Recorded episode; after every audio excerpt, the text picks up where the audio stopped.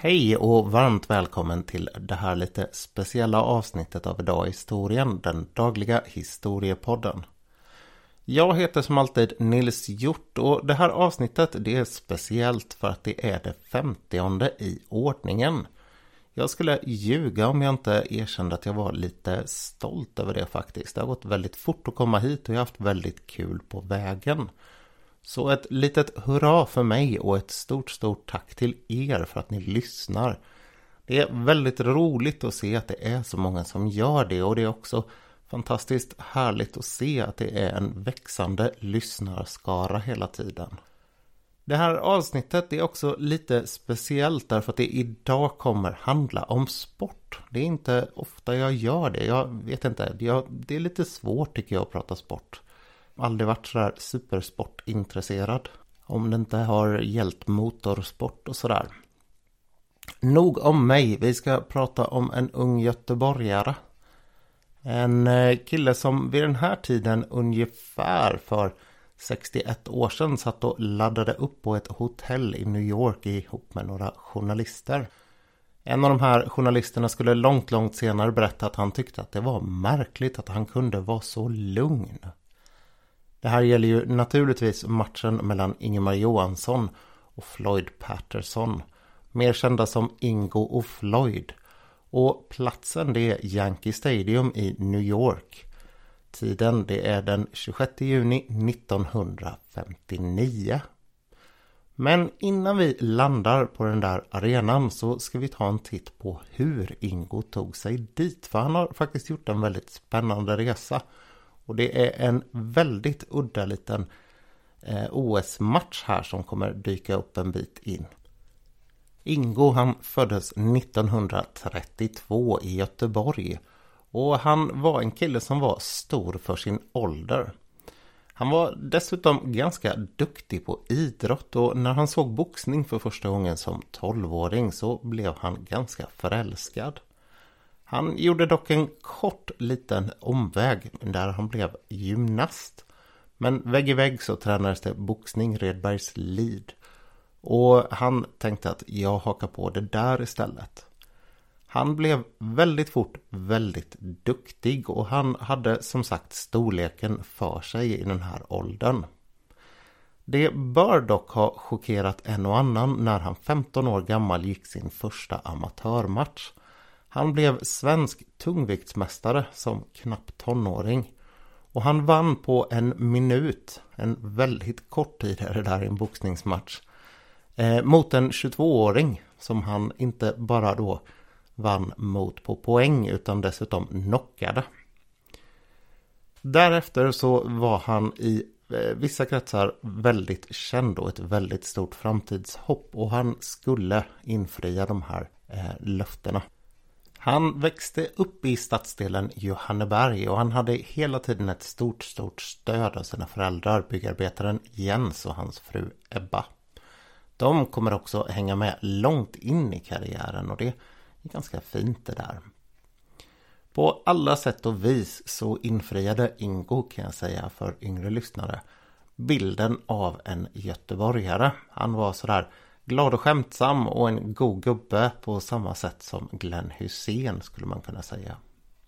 Han hade dessutom ett utseende som gjorde att han alltid såg lite så här glad och ungdomlig ut även när han blev gammal. Och det där skulle göra att han blev en väldigt folkkär person längre fram. Från att han tog sin första titel som 15-åring, vilket alltså borde ha varit 1947, så gick han eh, hyfsat tätt en hel del matcher. Fram till OS 1952, fem år senare, så gick han 71 amatörmatcher. Av dem vann han 60 eller 61 och han hade precis innan OS skrivit på för att bli proffsboxare. Det här var ju en tid när det fanns en väldig massa andra regler för sådana här saker och han var egentligen inte särskilt sugen på att köra OS. -et. Men han övertygades om att göra det och han ställde upp. Och bara för att säga det här så det här att han hade storleken för sin ålder och att han var i tungvikt. Det är ändå en väldigt stor skillnad på honom och tungviktsboxarna idag. Ingo var vid toppen av sin karriär 184 cm lång och vägde 89 kilo. Och det är ganska fjuttigt i jämförelse med supertungviktsboxarna idag. Han hade inte ens kvalat in i den viktklassen faktiskt. Tittar man på de senaste årens eh, mästare, jag tittade upp deras siffror här, så är de mellan 2 och 2,05 långa och väger någonstans mellan 110 och 120 kilo. Så det är rejält mycket större killar än vad Ingo var. Och i den här finalen i OS 1952, han kom dit genom fyra raka segrar, så mötte han en rejäl bjässe också, en eh, amerikan som hette Ed Sanders.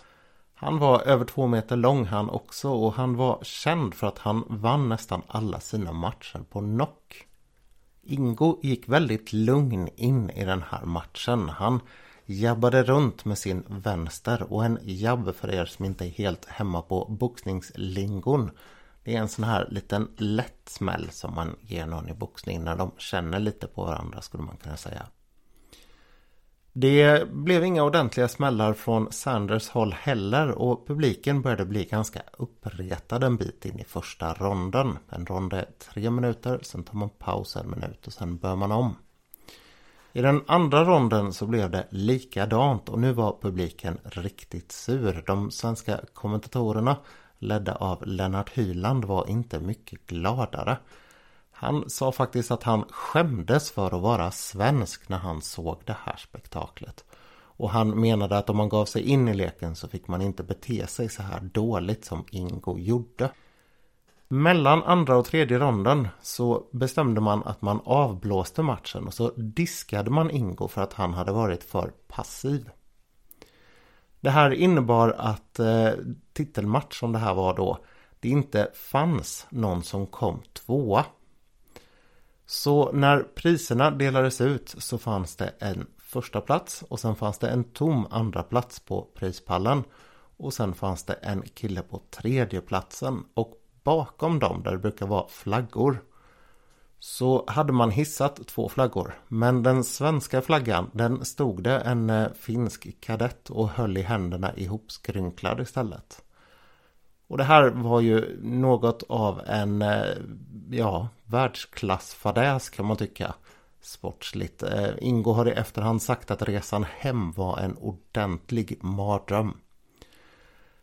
Men hans pappa sa eh, till honom att du gjorde helt rätt grabben. Och det där tog han till sig och litade på att han hade gjort rätt. Och det han hade gjort när han försvarade sig sen mot pressen och mot radio och sådär. Det förklarade han, det var att han hade letat efter en lucka hela tiden. Han hade gått och känt på Sanders med den här vänsterhanden och hittat rätt läge men det dök inte upp innan de blåste av matchen.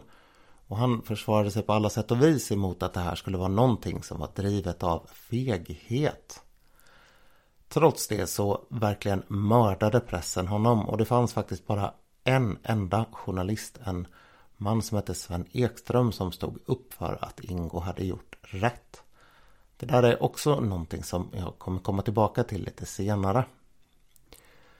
Som sagt så hade Ingo redan bestämt sig för att bli proffs och han satte här ordentlig fart mot att bli Europamästare. Och den här karriären den gick ännu bättre än amatörkarriären. Han förlorade inga matcher på vägen upp till att bli Europamästare. 1958 så var det en amerikan som hette Eddie Machen som kom över till Europa för att möta Europamästaren, det vill säga Ingo som uppladdning på sin väg mot att försöka bli världsmästare. Och USA de har ju alltid sett sig själva som boxningens högborg så det räknade man ju med att det var egentligen bara att åka över och slå den här Europamästaren. Ingo han var ju dessutom inte särskilt hyllad efter sin insats i OS sex år sen tidigare. Matchen som han gick mot Eddie den gick på Ullevi och det är den största idrottsgrej som någonsin har organiserats i Sverige. Det var 53 614 åskådare där och den där siffran har som sagt inte slagits. Lite ironiskt så brukar man också säga om den här matchen att de flesta de stod fortfarande i korvkön när det var över. För Ingo han knockade Eddie på 2 minuter och 16 sekunder. Och nu tog det ordentlig fart för den här unge stensättarlärlingen från Göteborg. Ett år senare så var det alltså dags för Ingo att boxas för världsmästartiteln själv. Och för svenskarna så innebar det här först ett litet problem. TV, det var ju inte vidare spritt. Så man förlitade sig på radio. Men radion de hade ett styrelsemöte och kom fram till att vi ska inte göra något undantag och ha en nattsändning för proffsboxning. Ety, det är vulgärt och förråande. Så SR de vägrade att sända den här matchen och istället så gick Philips in. De betalade Radio Luxemburg för att sända den här matchen. Och den gick då på bästa tid i New York vilket innebar att det skulle bli omkring tre på natten i Sverige. Matchen den sköts också upp ett dygn för att det regnade så in i bänken dagen innan över Yankee Stadium. Och när den väl blev av så har Aftonbladet skrivit i sin stora eh, extratidning dagen efter att Stockholm stod stilla. Det var inte en själ ute, till och med raggarna stod stilla med sina bilar och lyssnade. I Göteborg, hjältens hemstad, så hade 15 000 personer ringt till Televerket för att boka sån här telefonväckning mitt i natten. Och i USA så var man trots den här matchen mot Eddie Macken, matchen året innan, inte särskilt övertygad om Ingos chanser. Man tyckte fortfarande att han var en lite udda förlur i boxningen och man pratade om att han hade en i princip osynlig höger. Det var ju så han hade märkts också i OS. Dessutom så tyckte man att han hade haft en ganska knepig uppladdning. Det är säkert många som känner till den här klyschan om sex, att man inte får ha sex innan matchen och att man måste ha en uppladdning som är så här väldigt asketisk. Ingo, han hade gjort tvärtom. Han hade åkt över med mamma och pappa och sin fästmö och det här tyckte amerikanerna var helt konstigt. Att hans mamma hela tiden envisades med att göra köttbullar till honom också, Swedish meatballs. Det var ännu konstigare och att han dessutom gick ut och dansade med fästmön och ställde upp i tv och satt och skämtade. Det kunde man inte riktigt förstå. Men det funkade bra. Alla de här svenskarna som satt stilla i sina raggarbilar eller nyvakna efter att telefonen hade ringt. Det var dagen efter midsommardagen så det var nog mer än en som var trött. De fick höra Radio Luxemburg sända en första rond som var väldigt jämn och lite avvaktande. I den andra ronden så började det på i princip samma sätt. Det blev dock lite mer fart i Ingo på slutet där. Och han gjorde som han alltid hade gjort, som han hade gjort i OS också. Att han gick runt och petade med vänstern och höll sig undan från sin motståndare. I tredje ronden så gjorde han precis likadant men efter 45 sekunder så small det till något oerhört när han drog sin höger rätt över näsan på Floyd. Han stöp i golvet direkt och var väldigt skakad när han kom upp efter att domaren hade räknat till nio. I Sverige så kände man ju redan till att den här blixtsnabba och stenhårda högern fanns. Och den kallades lite skämtsamt av vissa för stensättarhögern. Han hade ju varit stensättarlärling. I USA så skulle den istället bli känd som Tors hammare. Och Floyd han har efteråt sagt att under hela min karriär, han mötte även stora personer som Muhammad Ali och sådär.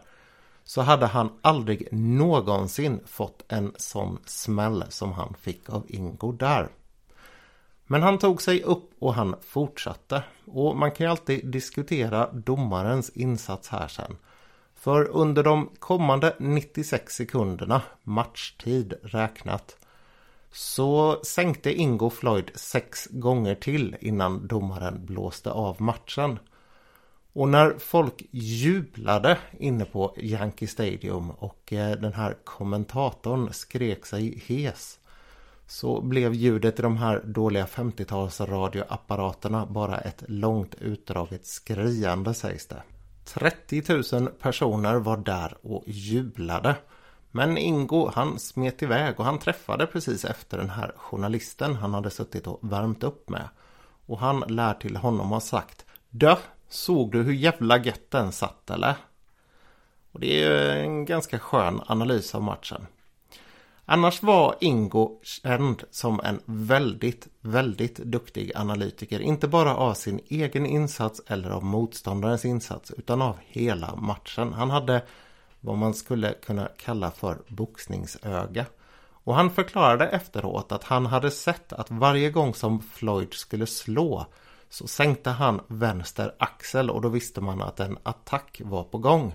Då kunde han peta till med vänstern och få Floyd att komma av sig och på det sättet trötta ut honom och sen när läget kom då kom stensättarhögen.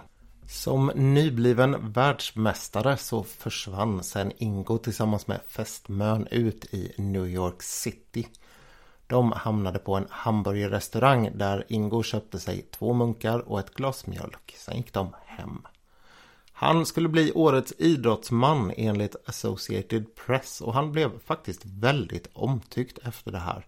Trots den här då så kallade fadäsen i OS. Ungefär ett år senare så eh, hade de en återmatch Ingo och Floyd. Och den förlorade han. Han har efteråt sagt att han blev alldeles för bekväm och säker på sig själv efter vinsten. Så han var inte tillräckligt förberedd. Ett år senare så möttes de igen och den där matchen är lite omdiskuterad. Men vi kan lägga det åt sidan och konstatera att han förlorade även den. Och sammanlagt under hela sin proffskarriär så förlorade han faktiskt bara de två matcherna.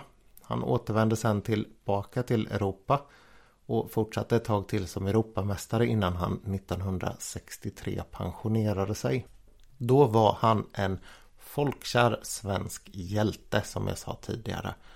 Samma år som han blev världsmästare så var han med i en Hollywoodfilm med storstjärnor där han spelade soldat. När han kom hem till Sverige så spelade han in en skiva och hade en hit och han åkte också runt på folkparksturné.